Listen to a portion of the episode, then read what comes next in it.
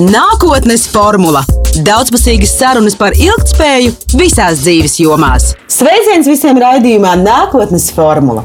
Influenceru, youtuberu, blogeru un dažādu citu sociālo mediju aktīvistu klātesamība digitālajās platformās ir kļuvusi par teju ikdienišķu parādību. Mēs visi, tīpaši jaunākās paudzes cilvēki un tie, kur lieto dažādas viedierīces, kaut kādā veidā šo saturu redzam, dzirdam, patērējam un droši vien gribot vai negribot no tā arī ietekmējamies. Šodien par to nākotnes formulas raidījumā, par influenceru ietekmi uz individu un sabiedrību kopumā. Studijā esmu aicinājusi Lindu Curiku, publicisti un nu, jau arī doktorantūras studenti, doktora grāda pretendenti. Sveika, Linda! Sveika!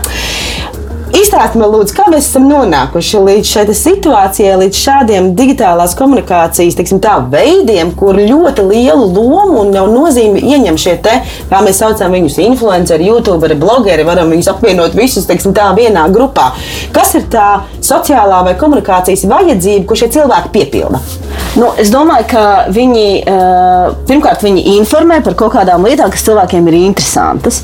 Un, uh, un, uh, teiksim, cilvēki vienmēr ir gribējuši būt izklaidēti, um, uzzināt kaut kādas interesantas lietas, aizraujošas, skatīties uz aizraujošām lietām, ko dara citi cilvēki. Un, protams, ka caur sociālajiem tīkliem vienkārši ir radusies tāda iespēja cilvēkiem daudz plašākā apmērā uh, dalīties ar šo informāciju. Un, uh, un cilvēki vienmēr ir sekojuši uh, slavenībām vai kādiem viedokļu līderiem, politiķiem, aktieriem, aktrisēm, uh, sportistiem. Nu, tagad pie šiem cilvēkiem ir pievienojušies arī cilvēki, kas ir slaveni principā ar to, ka viņi ir slaveni. Nu, tā kā Kardashians, piemēram, ja, tad viņa slavenība ir principā pamatot tikai realitātes šovā. Un, um, Tā, protams, ir kaut kāda pavisam jauna lieta, kas ir radusies uh, mūsu publiskajā telpā, un, uh, un uh, diezgan daudz arī, protams, tiek pētīta.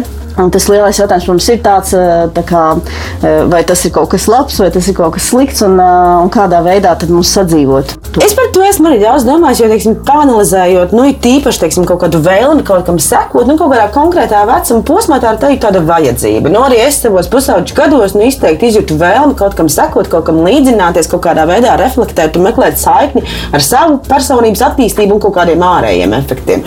Bet mūsu gadījumā tie vienmēr bija kaut kādi nu, sportisti, aktieri aktieri, mūziķi, nu, kaut kādi cilvēki ar kaut kādām prasmēm. Nu, turklāt mēs par viņiem īstenībā zinājām sasodīti maz. Nu, kas tam mums bija? Trīs plakāti un divas intervijas kādā mazā, nu, nezinu, tīņu žurnālā. Internets nebija, nekas no tā visa nebija. Ļoti maz informācijas un konkrēti kaut kāda prasme vai lieta, ar ko šis cilvēks mums asociējas.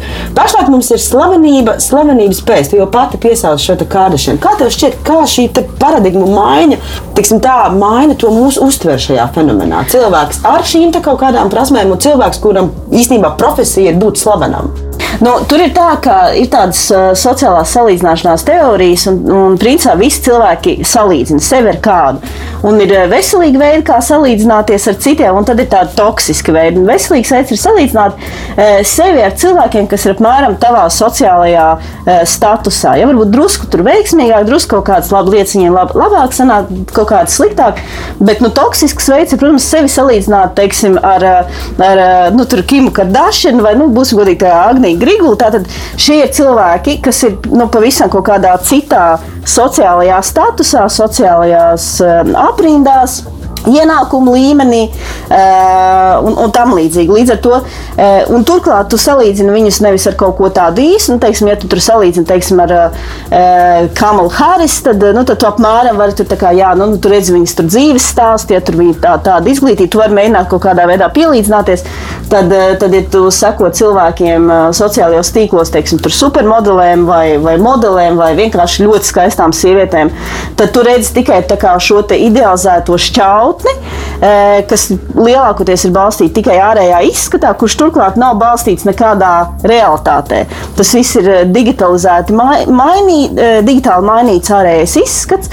Pirmkārt, bet otrkārt, protams, ka viņš arī fiziski ir mainīts, tas ārējais izskats. Līdz ar to tie, tie ir pilnīgi nereālistiski tēli, kuriem nav iespējams pietuvoties reālajā dzīvēm. Nu, viņi paši mm. neizskatās, respektīvi, Kīva Kardashian dzīvē neizskatās tā, kā viņi izskatās Instagramā. Tā ir kaut kāda viņas uh, uh, versija, nereālistiska. Tev šķiet, vai šī vēlme līdzināties un vēlme salīdzināties un teiksim, to darīt šajā sociālajā vidē, vai tas ir paudžu jautājums? Mēs šajā gadījumā patiešām runājam par jauniešiem, kas to primāri dara, vai nu jau tas attiecas uz daudz plašāku sabiedrību kopumā? Nē, nu es domāju, ka tas attiecas ne tikai uz, es pat teiktu, ka varbūt jaunieši kaut kādā ziņā, nu, teiksim, ņemot vērā to, ka jaunieši ir, piemēram, TikTokā, tad mēs redzam, ka TikTokā mēs varam novērot daudz dažādākas ķermeņa teiksim, reprezentācijas. Tur ir cilvēki, kam ir eh, teiksim, fizioloģisks eh, kaut kāds, eh, es nezinu, vai korekti teikt, defekti, mm. citādības, teiksim tā, ja? vai, vai ļoti īstri, vai ļoti gari, vai ļoti resti, vai ļoti tievi. Tad cilvēki tur ar psoriāzi vai ar kaut kādiem kustību traucējumiem vai ar traucējumiem eh, tajā, kā viņi runā, eh, no dažādām kultūrām un tam līdzīgi, kuri, eh, kuri īstenībā diezgan apzināti neliek šos filtrus un parāda sevi un savu dzīvi tādu, kā viņi ir. Viņi ļoti bieži vienkārši ir parasta dzīve. Bet es teiktu, ka Nu, jā, respektīvi, ir liela starpība, kurā sociālajā tīklā un kam tu seko. E, jo tu vari sekot TikTokā šiem dažādajiem cilvēkiem un saprast, cik dažādi un, un brīnišķīgi ir pasaule. Bet tu vari arī sekot, teiksim, tu vari būt 30 e, līdz 40 gadus veca sieviete, kas seko Instagramā tikai e, sie, citām sievietēm, kas reprezentē kaut kādu nereālistisku e, ķermeni un nereālistisku dzīvi un būtu nu, emocionāli ļoti zemā punktā savā dzīvē. Līdz ar to jā, tās ir tādas apzināts izvēles, ko mēs izdarām. Un, kad es, eh, es šķiet, kaut kad sarāk vēl rakstīju rakstu par to, ko, nu, kā palīdzēt sev, kā, kā turpināt lietot sociālos tīklus un, un, un saglabāt savu tādu mentālo kaut kādu mieru, tad uh, tas mans ieteikums ir ļoti maksimāli dažādot to, kam tu seko sociālajos tīklos un sekot uh, drakvīniem, piemēram, kas, kas ir skaidrs, ka tu redzi Roju Rodžeru, piemēram, tad tas ir, ir kaut kāda. Uh, pilnīgi noteikti nereālistiska. Un, un viņš nevienā brīdī netēlo, ka tas ir kaut kas īsts, mm. ja kaut kāda āre, āršķirības reprezentācija um, kas drusku turklāt ironizē par uh, sievietes tēlu, bet man liekas, tādā diezgan, man pašai liekas, ka diezgan tādā ok un veselīgā veidā. Uh, sakot viņiem, tur drakingiem sakot, uh, tad uh, sakot dzīvniekiem, jā, sakot uh, body pozitīvu uh, sievietēm, kas parāda to, ka tas ķermenis var būt dažāds un skaists dažādos tajos uh, veidos.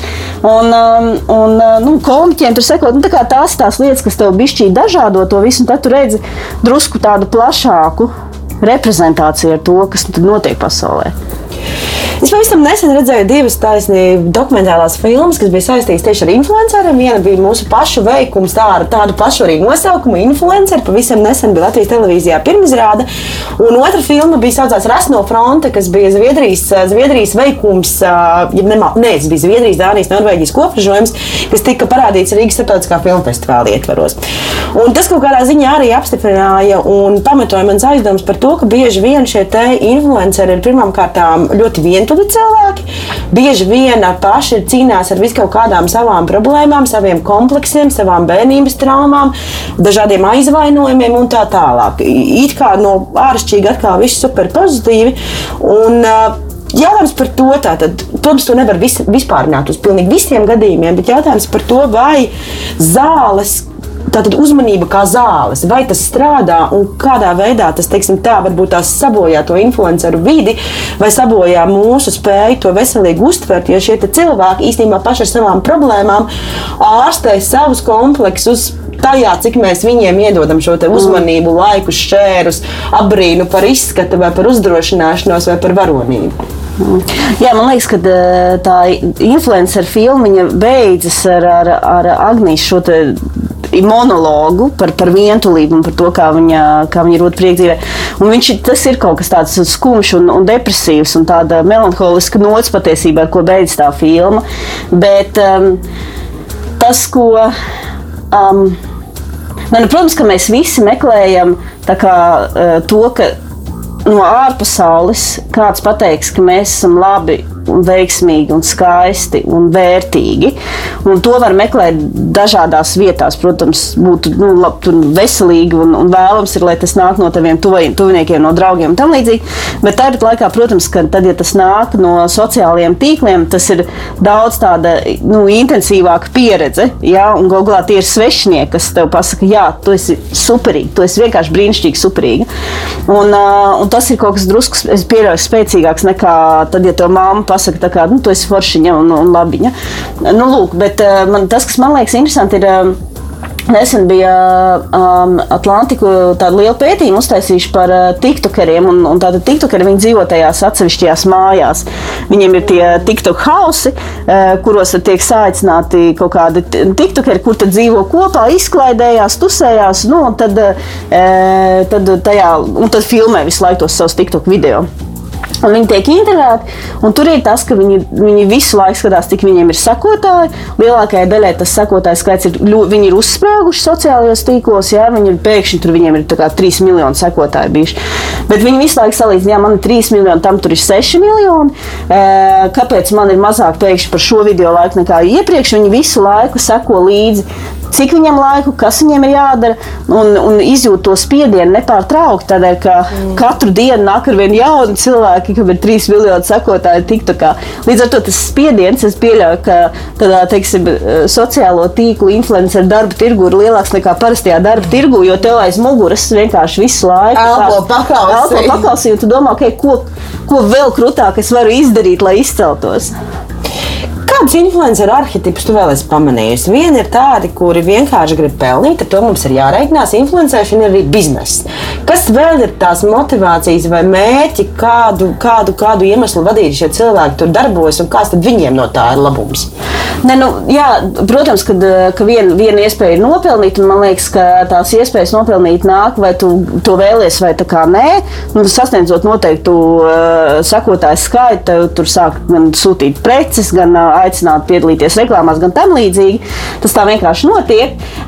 Bet tad, nu, no otras puses, protams, tā ir arī iespēja parādīt savu kaut kādu biznesu. Teiksim, nu, ceļš es to redzu teiksim, ar, um, ar, uh, gan, ja tev ir veikals, vai ja tev ir kaut kādi kursi, vai, vai, vai grāmata, varbūt, vai plānotājs, tad tu vari to savu zīmolu labāk pārdot caur sociālajiem tīkliem. Ja it sevišķi tagad, kad nu, pasākumi vairs nenotiek, mm. ja es arī redzu, ka teiksim, tur ir rakstnieces un dzēnieces, kas aktīvāk sāk e, teiksim, taisīt video, kur viņas ierunā savu dzēju vai, vai savu tūkoto dzēju un tam līdzīgi. Tas, nu, kas, kas piemēram ir Inga Gālis, es redzu, ka viņi tiešām ir diezgan aktīvi ir sāks sociālajos tīklos darīt lietas, tāpēc, ka tas ir tas veids, kā tu vari to savu mērķu autoriju sasniegt.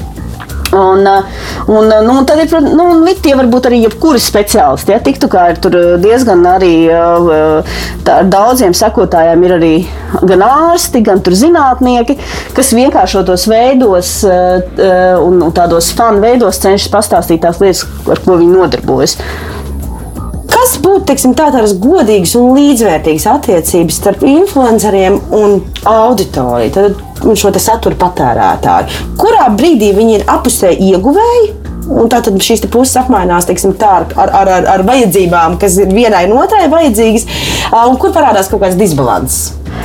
Ne, nu, man liekas, ka tā lielākā problēma, kas, par ko runā gan Latvijā, gan ārpus tās, ir, ir sponsorētais saturs vai, vai katrā ziņā kaut kādu preču pārdošana, preču un pakalpojumu pārdošana, kur ja Latvijā PTC tieši ir kampaņa, man liekas, vēl nav sāksies, bet tūlītās būs eh, kampaņa, un viņi arī cenšas monitorēt, ko tie, ko influenceri dara, un, un aicināt viņus eh, korektos veidos norādīt, ko viņi dara. Eh, vai, vai tas ir maksas saturs vai nē, ja? jo, piemēram, nu, ja mēs paskatāmies, tad.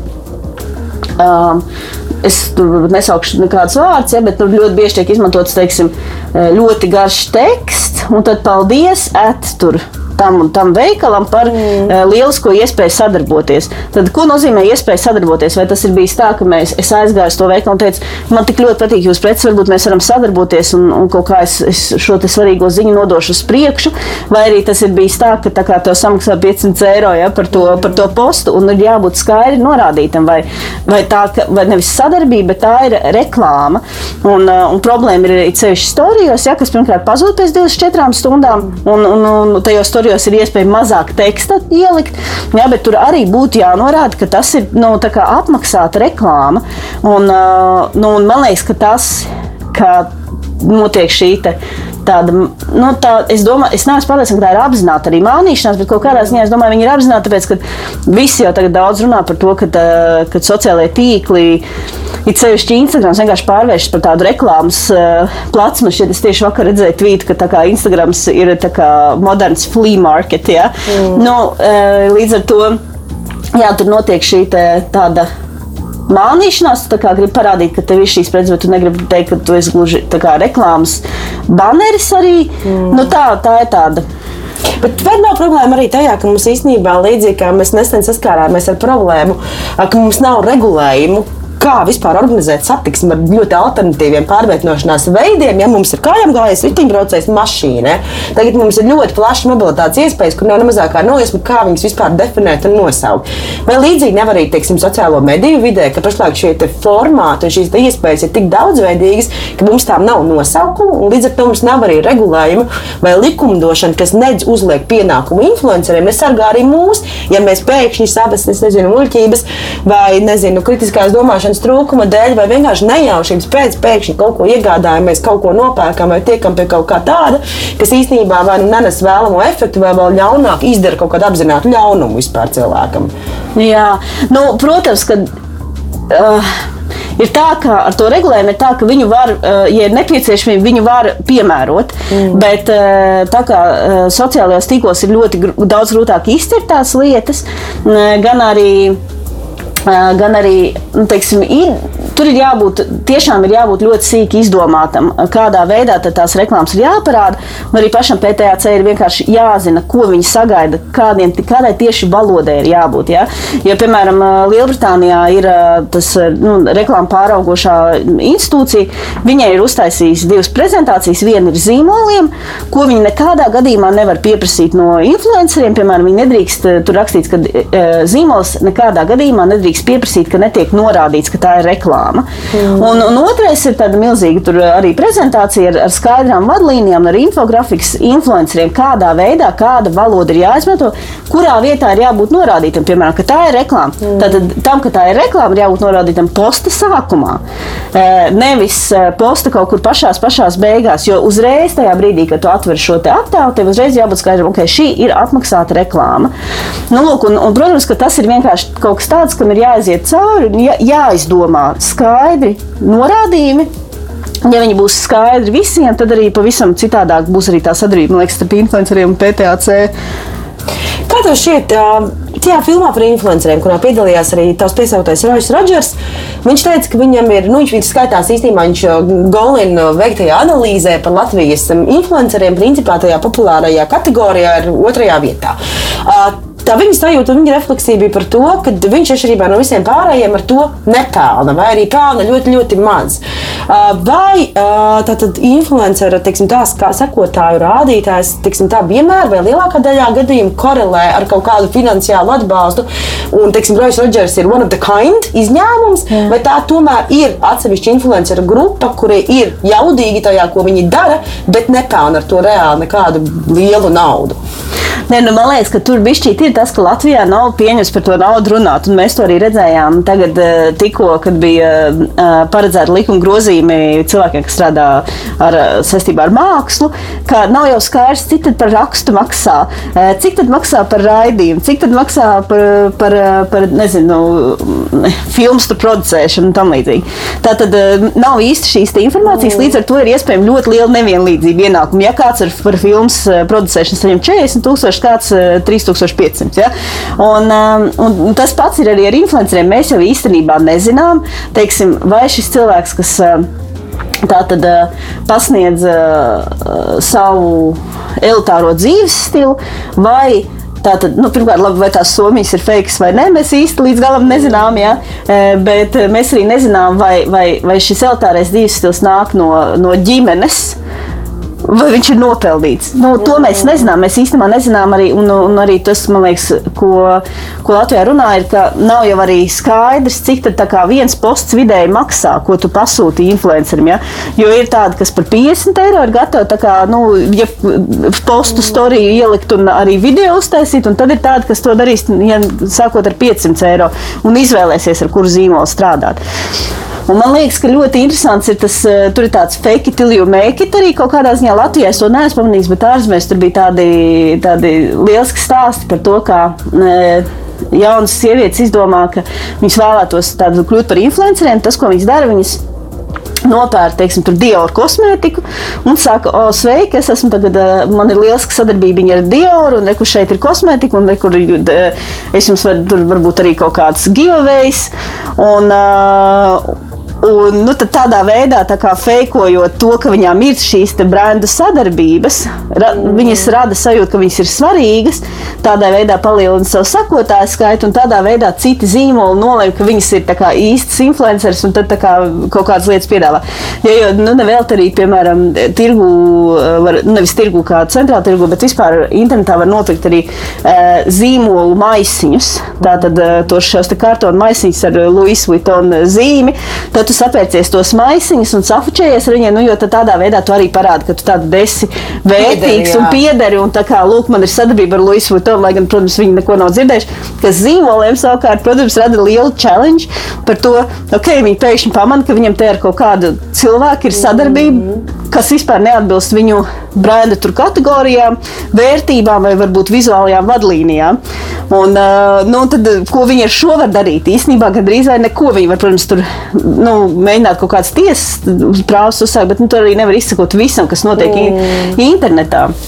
Tā, kas ir arī, protams, problēma zīmoliem, ka nu, Daži, daži vienkārši šīs preces iedod, un, bet, bet daži teiksim, dod ļoti stingras vadlīnijas, kā tad būtu jāizskatās, kā ir jāizliek šīs preces, kādām krāsām ir jābūt, kādām tur varbūt gammām vai kurā vietā jāatrodas. Jo, principā, tajā brīdī, kad influencer rokās nonāk šīs prece, mm. tad nu, viņi, viņš var arī pilnībā izmainīt to zīmola vērtību zīmolu kaut kādu auru. Vai kā minimums vizuālo stilistiku. Jā, vai vizuālo stilistiku. Nu, tā, ja, ja tu pieredzi, ka tas mm. ir kaut kas tāds, kas vienmēr tur ir tādās, nezinu, nu, tur madara kosmētika mums asociēs ar dabu, sūnām, mežu, jā, un tad pēkšņi varbūt, ja, ne, ja neizkontrolē pie kāda influencer rokās nonāk madaras kosmētika, tad pēkšņi ir tā kā viņš kopā ar ķīmiskāko kosmētiku, mm. kāda vien ir iespējama. Jā. jā, šis ir interesants faktors. Es esmu daudz par to domājis, un es arī vairākiem saviem studijas viesiem esmu jautājis, kas ir viņu tās atskaites sistēma saprast tajā nenormāli pārsātinātajā komunikācijas telpā, nu, kas ir īsts un kas nav īsts.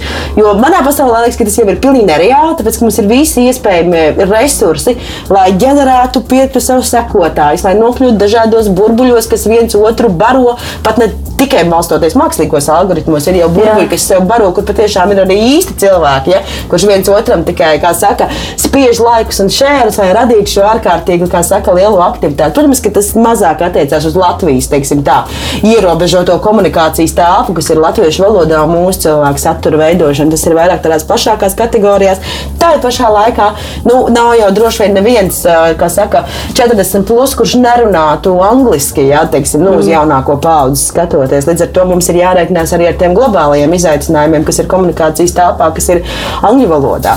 Kā tev šķiet, kas ir tavs atskaites mehānisms un kāda sapratne, nu, kas ir īsts un kas nav īsts, nu, kam tad varam mēs ticēt un ko labāk tomēr, kā saka, unfollowot un unfriendot vai, vai, vai labāk vienkārši nepievērst uzmanību? Nu, tikai tu par sevi zini, vai tu, mm. tas, ko tu, un pat sev mēs varam ļoti labi melot. Eh, nu, tā, līdz ar to tas gandrīz ir tāds um, filozofisks jautājums, bet uh, tu nezini, nu, tu tiešām nezini.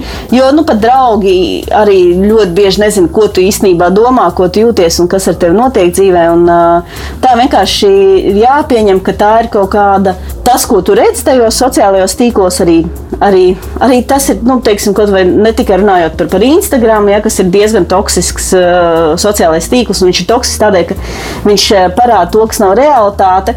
Bet, eh, Pārdodot to kā realitāti. Ja nevienā brīdī netiek teikts, ka šī ir kā, mm, kaut kāda virtuāla reprezentācija kaut kādiem notikumiem cilvēku dzīvēm.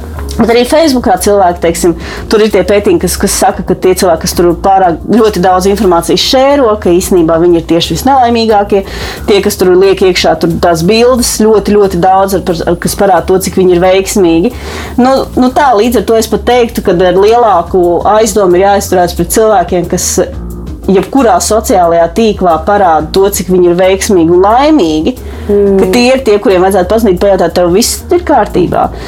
Un, um, nu tā, un arī pašam pasakot, ja, līdzi sev. Šis man šķiet tāds pilnīgākais komunikācijas absurds. Iedomājieties situāciju. Cilvēks, kuram iespējams ir totāli sūdīga diena, rada saturu, ka viss ir lieliski, hei, ideāli, vēl kaut kas iespējams. Viņš pat nedaudz uzlabo savu garstāvokli, viņš saņemās, iepotē sev enerģiju, paziņo, ka vispār es esmu laimīgs, man diena ir izdevusies, man dzīve ir skaista, neiet jūs visi galīgi.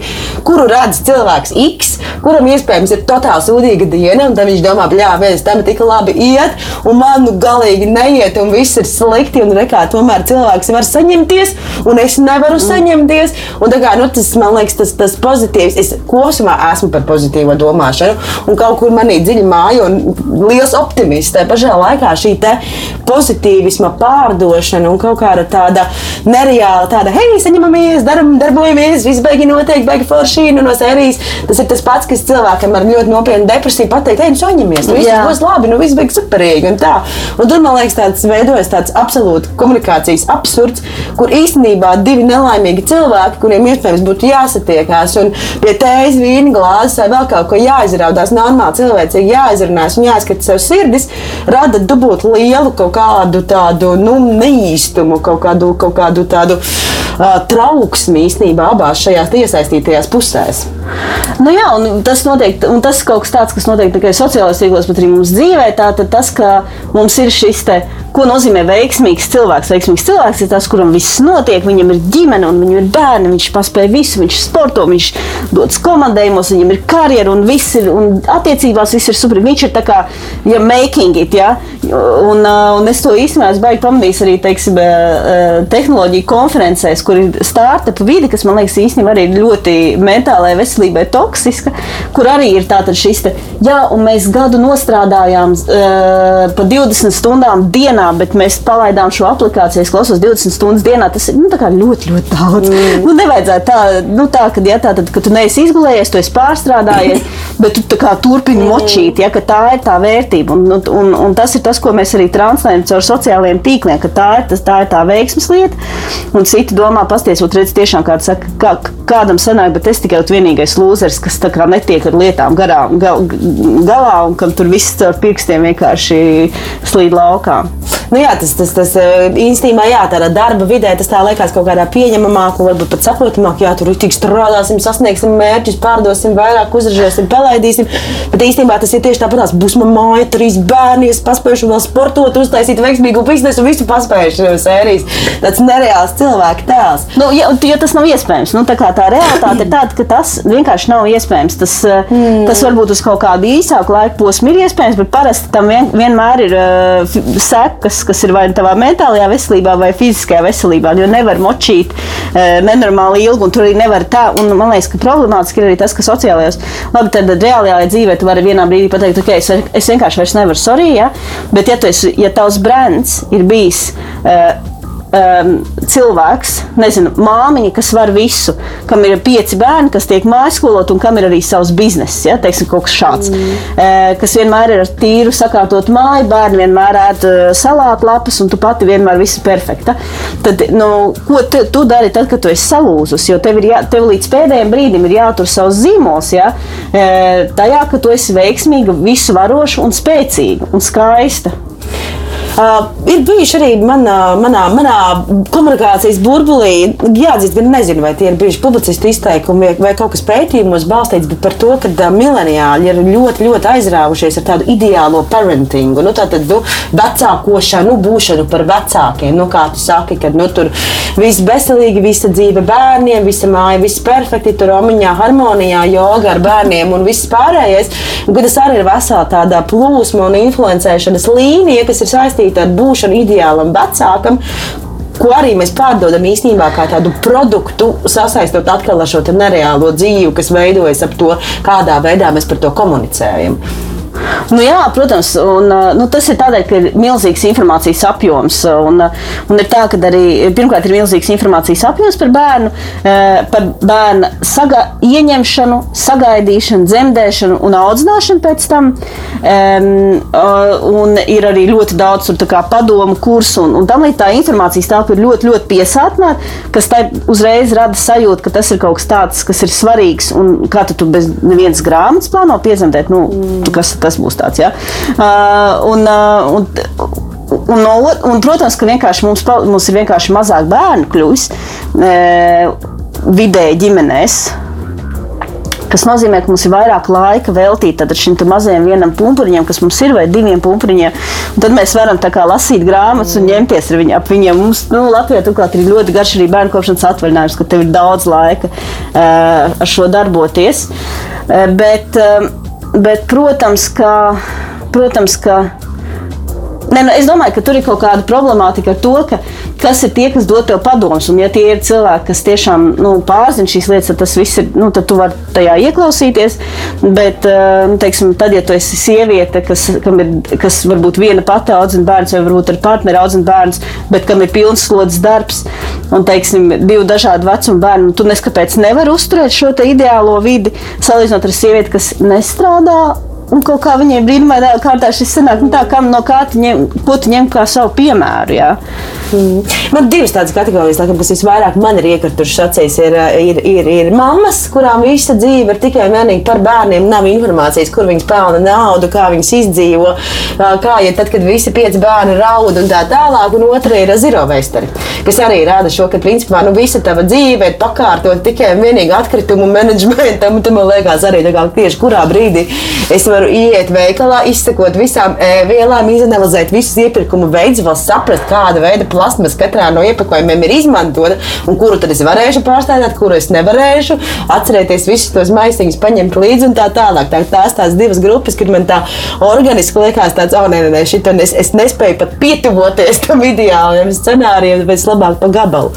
Kā tev šķiet, vai risinājums varētu būt, ja mēs vairāk informētu par to, ka pirmām kārtām influencēšana ir darbs, jo tam es apgalvojumu droši vien piekrītu, ka ir grūti izdomāt bezgalīgi daudz stāstus un bildes, ir grūti viņas smuki sataisīt, ir jāpārzina montāža, ir jāpārzina fotografēšana. Tas nav tā, ka mēs jebkurš varam ieiet, uztaisīt jebkuru bildi, mēs ar tevi tagad nofočēsimies, ieliksim ritīgi ar vienu parasto filtriņu, kļūsim slavens un dabūsim 3000 laikus Facebook. Nu, tā tas īsti nenotiek.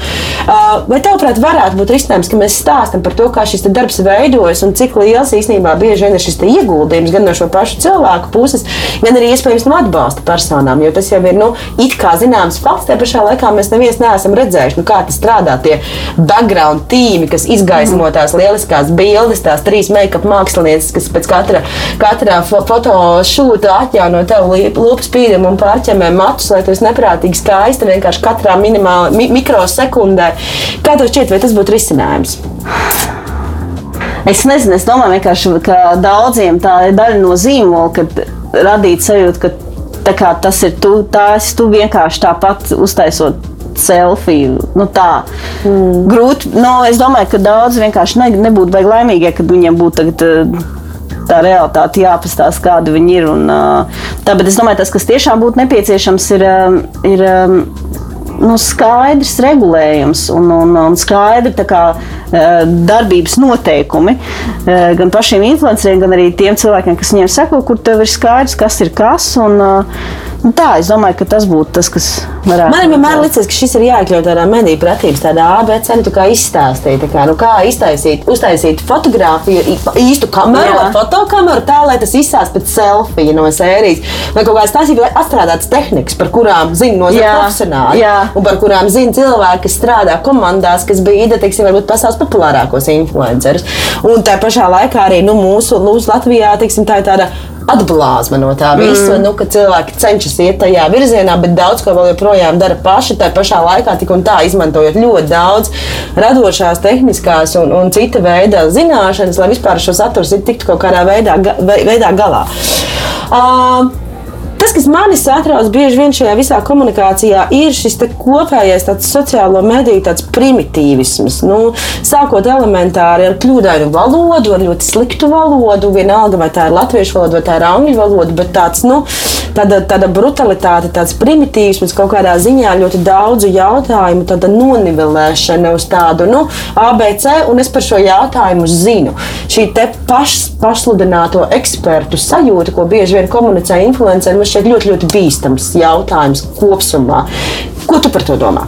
Nu, jā, tur ir tā, ka no vienas puses um, uz influenceriem Eh, ir diezgan liels spiediens runāt par sociāli, sociāli politiski svarīgiem jautājumiem. Tur varēja redzēt, ka tajā brīdī, kad notika Black Lives Matter, eh, ka nu, Latvijā, teiksim, tur, man liekas, Agnija Grigula bija vienīgais cilvēks, kas kaut ko par šo rakstīja, tad pārējie diezgan to ignorēja. Un, bet ignorēja ne tikai tādēļ, ka viņi varbūt īsti neiedziļinās un ne, nav informēti par to, kas vispār notiek pasaulē. Un kādas, kā, kādas sociāli politiskas teiksim, strāvojumi vai, vai, nu, ir, ir aktuāli, gan arī no otras puses uh, uh, viņi īsti nesaprot un nezina. Tā nav viņu tāda ekspertīzes joma. Uh, Un tad no vienas puses, kā, nu, jā, gribētos, lai viņi ar, arī ar savu balsi dod kaut kādas eh, tādas tā kā palīdzību kaut kādām sociālpolitiskām lietām. Ja? Es nezinu, tur, teiksim, ir, nu, kas notiek Baltkrievijā, tur varbūt par to runāt. Bet no otras puses, ja tu nesaproti īsti, kas tur notiek, nekad neesi par šo interesējies, tad eh, ir ļoti viegli, eh, nu, varbūt arī pateikt nepareizo lietu un pēc tam kārtīgi dabūt pa galvu par to. Ja? Un, turklāt, nu, tiešām viņas arī ir tādas Jā, nu kaut vai arī tas Black Lives Matter. Eh, man liekas, Agnija bija arī ierakstījusi pēc tam uh, sociālajos tīklos, ka viņa līdz ko viņa ielika šo postu, viņa reiz sekotāji bija nost. Ja? Tas tas pats, ja tu atbalsti LGBT tiesības, arī tad tev tie sekotāji aiziet prom. Um, nu, lūk, līdz ar to, protams, kad uh, viņu nu, influenceri interesēs īstenībā ir drīzāk nerunāt par tādiem sensitīviem jautājumiem. Tā ir tā, tas, tas drošais ceļš, bet tāpat laikā ja viņi to nedara, tad ir ļoti liela sabiedrības daļa, kas tā arī nekad neuzzinās kaut kādas lietas, kas notiek pasaulē. Ja? Nu, es nezinu, es pieļauju, ka e, tas, ka Kim Kardashian e, ielika postu par Armēniju, nu, tas bija diezgan. E, nu, diezgan liels notikums, mm. teiksim, ASV, kur nu, diezgan viss ir centrējies ar iekšpolitiku, un cilvēki varbūt baigi daudz nezina par to, kas notiek ārpusē, kur no kaut kādā Armēnijā.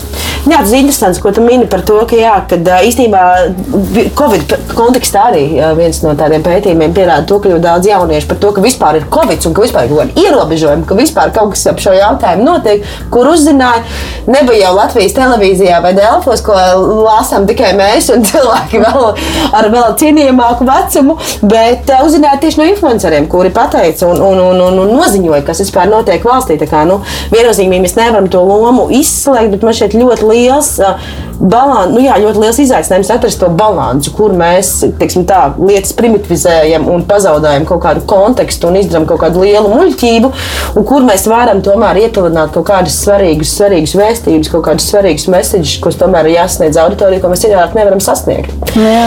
Uh, vēl uz priekšu, ejot mūsu sarunā, es ik pa laikam pazaudēju, pazaudēju tēmas, jo laik, daudz kas šī, šī tēma ir tāda līdzīga kā tā komunikācijas telpa. Katru reizi, kad tu par to sāc domāt, tad tev galvā papapojās viss kaut kādas, ko tu esi redzējis, dzirdējis vai vēl kaut ko, un, un, un, un dažādi piemēri nav galvā. Par tavu, jā, doktora darbu un arī to, kas ir tavs pētnieciskais, pētnieciskās intereses pašlaik tātad par cilvēkiem un par sociālo mediju ietekmi uz mūsu mentālo veselību. Cik tālu tu esi nonākusi savā pētniecībā, kas ir tas, ko tu esi sapratusi, un kas ir tas, ko tu vēl centies saprast, kāds ir tavs darba mērķis? Nu, ir tā, ka es vēlos saprast, kā mēdīņu pratība var palīdzēt tikt uh, galā ar ķermeņa uztveres problēmām. Tātad ar to, uh, ar, tātad ar to šo toksisko sociālo tīklu ietekmi, kas uh, parasti ļoti negatīvi ietekmē tieši uh, jaunas meitenes. Uh, teiksim, nu, tas tā, tā man pētniecības joma meitenes no 13 līdz 18 gadu vecumam.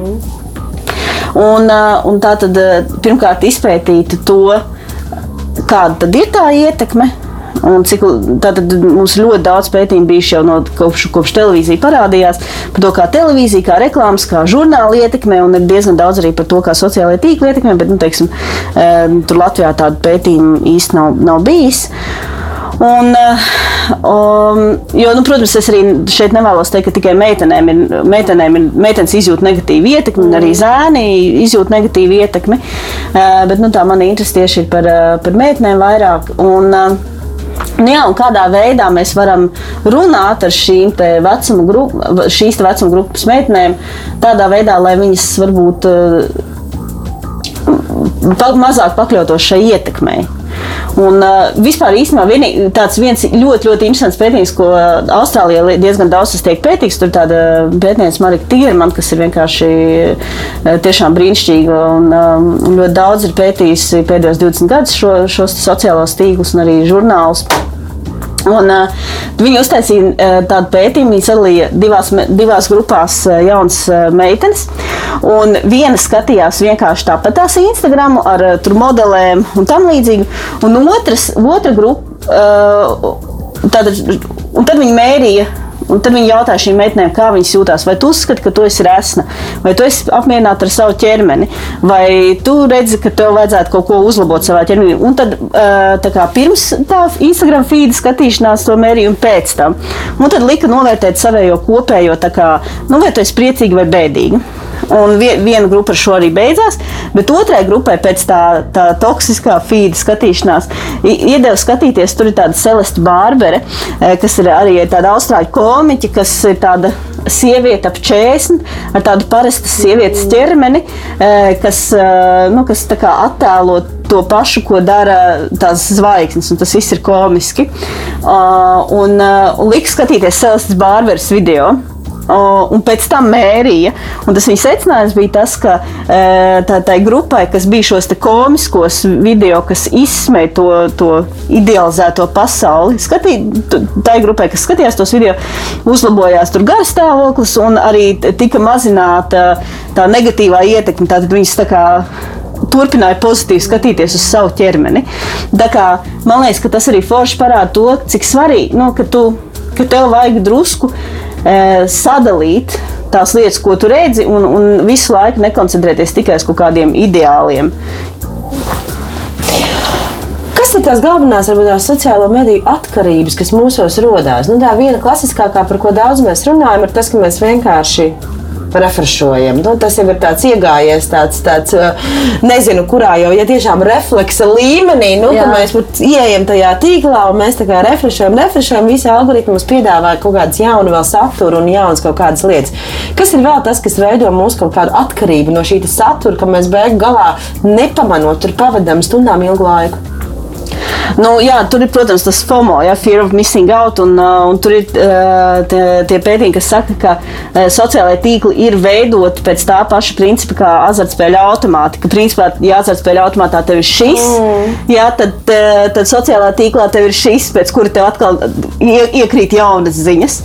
Un, um, Un, nu, bet no otras puses, tur, protams, ir arī teiksim, atkarība no tā, ka tu, tu sagaidi tos laikus, un viņi, viņus saņemt ir patīkami un tos šērus. Līdz ar to tu, tur ir tas, ka vienlaikus tu gan visu laiku iegūsti jaunu informāciju, un tev, uh, tu gūsi tādu īslaicīgu prieciņu, un no otras puses, protams, ka tu tur ka tu dabūji iešēro kaut ko pats, tad dabūji arī to atgriezenisko saiti.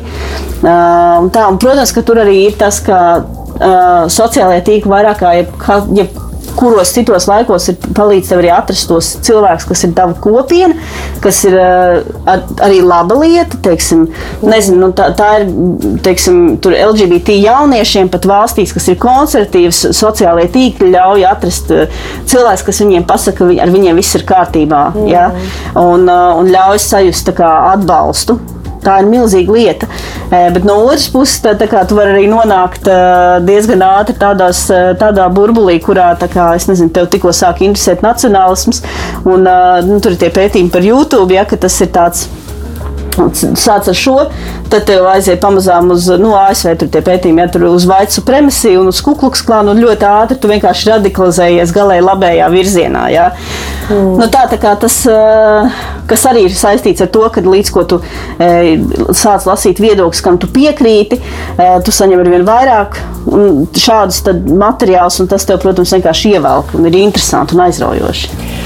Kā saglabāt vēsu prātu? Man šķiet, ka vienīgais, vienīgais veids, kā, kā tiksim, tā, tikt galā ar šo visu, jo mēs visi esam šajos visos kanālos un kaut kādā veidā varam ļoti viegli arī paļauties kaut kādām plūsmām, es ticu, ka mēs nevaram palikt pilnīgi nu, tādu profesionālu skatu, visi distancēties no tā. Mēs, mēs cepjamies, mēs dzīvojam līdzi, un mēs varam distancēties no 50 postiem. Un, un 51. mums vai nu patiks, vai liks eh, ar to dalīties, vai mūs uzcepinās, vai nu kaut kas ar to visu notiks. Mēs nevaram teiksim, tā pilnīgi no tā. Kas tad būtu tas veids, kā veidot attiecības starp sevi un šo sociālajiem medijiem, kā paturēt šo vēso prātu un kā, teiksim, tā iesaistīties tik, cik ir veselīgi, un, un tomēr uh, paturēt kaut kādu, kaut kādu daļu, kur mēs iespējams neiesaistamies vai nereaģējam, vai, vai pat cenšamies nesakot tam. Mm. Es domāju, ka ir svarīgi redzēt uh, kaut kādos tajos uh, ideālistiskajās cilvēku dzīves reprezentācijās, redzēt tur komisko. Teiksim, es pavisam nesen skatījos tur tās bildes, kur tā kā tās meitenes Latvijā, ka tādās apakšveļā ir tajās rudens lapās, un kas, nu, es saprotu, ir rudens un ir lapas un ir skaisti ķermeņi. Tas acīm redzot, dabiski iet kopā šīs lietas. Un tā vienkārši ar šīm bildēm paskatīties un domāt par, par, iedomāties par to, kā viņas tika fotografētas. Un tad tas nozīmē, ka tu kaut kur devies uz to sigūlu, tu tomēr ģērbies nost. Tur apkārt visdrīzāk bija cilvēki ar ģimenēm un suņiem. Nu tā, līdz ar to e, ieraudzīt e, to kaut kādu komisku aspektu šajā visā un uh, dažādo to, kam tu seko. Um, un, un, un visu laiku arī ik pa brīdim piefiksēt pašam sevi. Man, piemēram, ir tas, ka man, man, manējais grēks varbūt šeit ir drīzāk nevis Instagram uh, vai, vai Facebook, uh, bet drīzāk Twitter. Uh, jo ar Twitter arī teiksim, tas, ka jo tur riebīgāk un uh, tādu. Um, emocijas eh, izraisošāku lietu ietvīto, jo lielāks, mm. lielāka ir iespēja, ka tev cilvēki retvītos vai atbildēs, un tad tu pilnīgi jūti, kā tev kā atkal tas emociju līmenis paceļas, un tas kā gūsti kaut kādu prieciņu no tā. Un tad es vienkārši ļoti bieži vienkārši ierakstu šo tvītu. Mm un izslēdzu uz divām stundām to Twitteri. Un tad es ieslēdzu viņu, un es domāju, okay, vai es šo gribu vēl joprojām tvītot, vai nevajag man to. Un es nolēmu, parasti, nu, ne, man to vienkārši man šo nevajag. Jā, jo tur arī notiek tas, ka kā, ar, ar šiem te kādiem sociālajie tīkli tev liek izteikt viedokļus, kas ir varbūt radikālāk nekā tu patiesībā domā. Jo tev ir jāsakoncentrē tā doma, un galu galā, ja tu tomēr nu, gribi, lai viņu kāds pamana, viņai ir jābūt kaut kādam tādam, uh, nu, kaut kādam āķītim. tvistam. Jā, kaut kādam āķītam tur ir jābūt. Nu, tā, un tad tas, ko tu saņem pretī, ir ļoti daudz cilvēku, kas saka, jā, tieši tā, bet kāds to pateica. Un tu domā, oh, jā, jā, jā. Un tad ir otrā pusē, kas saka, ah, kas tu par stulbeni un, un vispār pastieties kādas šausmas. Bet arī tās, tas, ka kādam šausmīgi nepatīk, tas arī kaut, ko, kaut kādas emocijas tev ir aizsmeļs un tā. Un tas viss ir, tas ir diezgan arī reklāma. Jā, jā, zinām, jā, jā, jā. Un tad skaties, o, oh, vēl 50 jauni sekotāji. Mm, mm, mm. Jā, nu tā, tas, un es vienkārši es pamanu, ka tas ir toksiski, tas nav, nu, nav labi. Un, nu, tā, un tad līdz ar to man liekas, ka arī mums pašiem visu laiku ir bijis jāpiefiltrē, vai mēs arī nu, paši neaizējam sviestā. Man šķiet, ka interesanti arī tas, tas efekts, ko šī kaut kādā ziņā nu, par anonimitāti vispār nerunāsim, ja anonīmie komentētāji. Tā ir vesela atsevišķa, man liekas, sociāla grupa, bet tas man liekas arī interesanti, ka, nu, it kā mēs, nu, mēs esam sabiedrība, kur vienkārši uz piketu normāli dabūt nevar. Mēs mītiņā nevaram iziet un balsi pacelt un normāli izbļauties un pateikt pie tā sēmas nāma, kas mums besī vai ko mums gribās. Nu, tur klusiņām 50 cilvēki savācās ļoti, ļoti pieklājīgi kaut ko pastāstā. Pastāv. Jā, pastāv, paskatās un aiziet mājās. Un tad sociālajās tīklos aiziet, pēkšņi visiem ir no sērijas. Tur visi kara cirvi ir izrakti, drausmīgi daudz emocijas un, un, un cepiens un viss pārējais. Mēs izējām laukā un tādi, nu, tādi mierīgi, tādi tīri pieklājīgi, diezgan tādi toleranti, nu tā, vai arī katrā ziņā necenšamies ar savu viedokli radikāli mainīt kādu citu cilvēku. Man šķiet, tas ir tāds, eh, arī tāds interesants fenomens, fenomens tieši mūsu kultūras telpā, kas ir tiešām tāda, nu, salīdzinoši ļoti mērena un tāda, nu, uz, ne tik uz āršķībām orientēta, tad, nu, sociālajos medijos man šķiet, mēs izrunājam un izbaudam visu to, ko mēs neesam spējīgi iziet laukā uz ielas, izlikt vai izbaudīt savā ģimenes dzīvēs vai, vai, vai kopā ar saviem draugiem vai dombiedriem. Nu, Galu galā, ja gribās tās eh, stingrās emocijas, tad vienmēr ir iespēja aiziet eh, uz eh, te, tām grupām, kur tiek runāts par to, ka Covid ir izdomāts un tas Bills Gates čipēs tomēr tos cilvēkus. Nu, tad tur parakstīt un pastrīdēties ar cilvēkiem. Tā, jo, jo kaut kādā ziņā tur arī vajadzīgs ir pretējais viedoklis. Citādi ir dots tāds, jo nu, es daudzām no šīm grupām sekoju. Es redzu, ka tur ir tāds arī ir viņu burbulis, kur viņi viens iebusto un vispārēji saka, jā, jā, tieši tā ir. Nu, tad ir ļoti labi, ja pēkšņi parādās tur divi vai trīs tajā sarunā, kas saka, bet, nu, klausieties, ko jūs vispār uh, tur runājat.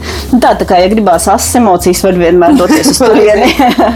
Uh, bet tas arī interesanti. Mums ir viens cits raidījums, kurā mēs uh, centāmies, kur, kur raidījuma mērķis ir salikt ko- tieši kopā šos pretrunīgos viedokļus. Un pilnīgi vienkārši Latvijā nav cilvēki gatavi apstāties pie viena galda, kur ir divi metri starpā un parunāt par vakcīnām vai pret vakcīnām vai par 5G vai pret 5G. Un, un, un šī te kaut kāda spēja abiem sadzirdēt vienu otru un padiskutēt par šo jautājumu īstenībā kaut kādā ziņā ir, ir pilnīgi neiespējama situācija. Un tas kaut kādā ziņā, man liekas, arī ļoti labi raksturo to sociālo burbuļu efektu. ka Mēs esam stipri un varani tajā savā mazajā burbulī, kur tie 50 vai 5000 cilvēki apstiprina, ka mm. tev ir pilnīgi taisnība, bet brīdī, kad tev ir jānāk vienkārši telpā, kur tu esi vienīgais ar šādu viedokli, un viņš jāpasaka un jāargumentē, kāpēc, tad, diemžēl, mēs neesam gatavi nedz parunāt pret vakcīnām, nedz arī par vakcīnām, vai, vai, vai, vai teiksim, abos šajos galos, diemžēl, šī problemātika man liekas diezgan acīm redzama. Es nezinu, kā tu skaties uz šo mūsu uh, politisko, sociālo komunikācijas telpu un mākslu un prasmi debatēt un, un, un, un meklēt kompromisus starp dažādību mūsu sabiedrībā. Nē, nu, tur, tur, protams, ir tas, ka parasti tiek teikts, ka nu, galvenais ir domāt kritiski, galvenais ir kritiskā domāšana. Bet tā lieta ir tāda, ka cilvēki, kas uh, deidzina tos 5G toņus, viņi domā, ka tieši tā, tie pārējie ir aicis, kas nedomā kritiski, un viņi ir tie, kas domā kritiski. Uh, līdz ar to, nu, jā. Uh, Līdz ar to abas, abas šīs pretējās puses domā, ka otra puse nedomā kritiski. Un, uh, tas ir kaut kādā ziņā, protams, arī stāsts par, par to zinātnes komunikāciju. Uh, vai, vai mēs varam uh, saprotamos veidos uh, izstāstīt, kā, kas ir tas 5G un kādā veidā viņš darbojas, vai kā darbojas vakcīnas. Un kaut kādā ziņā tas ir uh, zinātnīs komunikācijas fails, ka mēs esam šeit nonākuši. Jo mm, nu, ir grūti izstāstīt sarežģītas lietas vienkāršos veidos, bet ir diezgan viegli atrast uh, vienkāršus iemeslus sarežģītām situācijām. Tātad ir daudz vienkāršāk izdomāt, ka tas 5G uh, uh, no viņa mirst putni, un tas ir veids, kā, kādā tiks kontrolēta visa sabiedrība. Tas ir diezgan tā kā, tāds vienkāršots veids, veids, kā izskaidrot lietas. Un turklāt, ja tu ti, jau tici mm. tam, ka ir tās valdību sasvērstības un tam līdzīgas lietas, nu, tad tas vienkārši ieiet iekšā tavā tajā uh, uzskatu sistēmā. Mm, Bet, uh, bet vajag atrast veidus, kā uh, par šo komunicēt, bet nu, arī ne augstprātīgos veidos, nu, nevis tā kā saucot viņus par viduslaiku muļķīšiem, uh, bet uh, nu, kaut kādos cieņpilnākos veidos. Bet, nu, tā ir arī baigā māksla. un Es domāju, ka arī ir ir cilvēki, kurus, kuriem tu nepierādīsi. Nu, tā kā, ka, tā, ka, tā, ka tās ir muļķības, bet ir ļoti daudz cilvēku, kas ir pa vidu, kas varbūt ir iegājuši šajā te, nezinu, tur vakcīnu realitāte Latvijā grupā, kurus, kuriem ir kaut kādas pārdomas un šaubas. Un tāpēc ir svarīgi, lai šajā grupā nu, kāds ielikt arī informāciju, kas nesaskan ar to, to narratīvu, ja tā ir tā čipēšana un no, kā, no vakcīnām rodas autisms un tam līdzīgi. Nostāstot mūsu sarunu. Kas ir tas, kas tevi iedvesmo, kas, nezinu, varbūt tevi motivē, vai, vai, vai kam tu vēlētos līdzināties no tā, ko tu redzi sociālajos medijos? Varbūt kāds influenceris vai kāds, kāds jaudīgs, spēcīgs cilvēks, kas ir tas, kas tevi teiksim, tā, varbūt kādā grūtākā brīdī vai kādā sliktākā dienā tomēr uzliek uz tādas pozitīvākas nots, lai viss neliekas tik sūdīgi, kā varbūt ir arī patiesībā, vai kā vismaz tajā brīdī šķiet. No, es to tās Celestas Bārberas fanes. Man liekas, ka viņi ir superīgi. Un uh, ik pa brīdim, ja man ir tāds skumji, tad es viņš paskrolēju, ko viņi ir likusi iekšā un paskatos. Tas man uzlabo garu stāvokli. Un, uh, nu tā, jā, tā kā es tur arī, nu, man, piemēram, arī es uzskatu, kaķu bildes, jā, tā ir baigā mm. lieta, tā ir baigā interneta vērtība. vai, vai, teiksim, nu, ir arī cūka, kam es sekoju Instagramā, kas man rada daudz prieku un, un, un, un vāvere. Nu, tā, tā kā man liekas, liekas, ka tie sociālie rīki var rast, radīt ļoti daudz prieka. Vienkārši mūsu pašu uzdevums ir padarīt mazāk, ceļšķi jaunu sieviešu, un sieviešu uzdevums ir vienkārši padarīt to, to tavu feedu mazāk toksisku. Jā, mm. tā lai tur neparādās. Mans, mans mīļākais no, tava, no tavas pētnieciskā lauka, mans mīļākais uh, ziņa bija, nemaldos, pirms kāda gada viena no arī mūsu Latvijas kaut kādām tur fitnes modelēm vai top modelēm vai vēl kaut kas sāk promotēt to, ka nevajag dzert ūdeni. Un tas Jā. bija tā kā vienkārši izcels, liekas, gaids, kad man liekas, tā kā zeme atveries, tā kā, nu tiešām, un arī, š, diemžēl, šim te postam parādījās laiki šēri no serijas, jā, viņi ir taisnība, tagad visi nedzersim ūdeni un tikai ēdīsim augļus un kačāsimies un būsim ar šiem brīnišķīgajiem ideālajiem augumiem, ko varēsim, ko varēsim krāmēt Instagramā rītos un vakaros. Tas man šķiet tāds punkts uz zīku, kur es ceru, ka vismaz liela daļa no viņas sekotājiem saprata, ka ok, nu, viss kaut kas ir bijis, bet nu, kā, varbūt par ūdens dzeršanu tomēr mēs varētu vienoties, ka tas cilvēkiem ir nepieciešams. Tā kā es novēlu visiem, visiem influenceriem sasniegt to punktu, kad viņi izdara kaut ko tādu, lai vienkārši nu, mēs tā, huh, nu, labi, filtrēsim tālāk, ko šis cilvēks mums stāsta. Un, un savukārt tiem, kam ir kaut kāda vērtīga vēstījumi, lai izdodas atrast to veidu, kā sarežģītas lietas pasniegt jā, popkultūrā un izklaides industrijā atbilstošos veidos, lai mēs, lai mēs šo saturu iemācāmies patērēt ne tikai no zinātnes grāmatām un, un uh, sarežģītām garām stundu garām intervijām, arī tāda kā mums sanāca diezgan pagara. Paldies par šīs dienas sarunu! Paldies tev! Paldies, ka skatījāties, klausījāties. EHR studijā viesojās Linda Curiha, publiciste un doktora uh, grāda pretendente. Paldies un līdz nākamajai reizei! Atā! Raidījums tapis sadarbībā ar Nacionālo elektronisko plašsaziņas līdzekļu padomi sabiedriskā pasūtījuma ietvaros.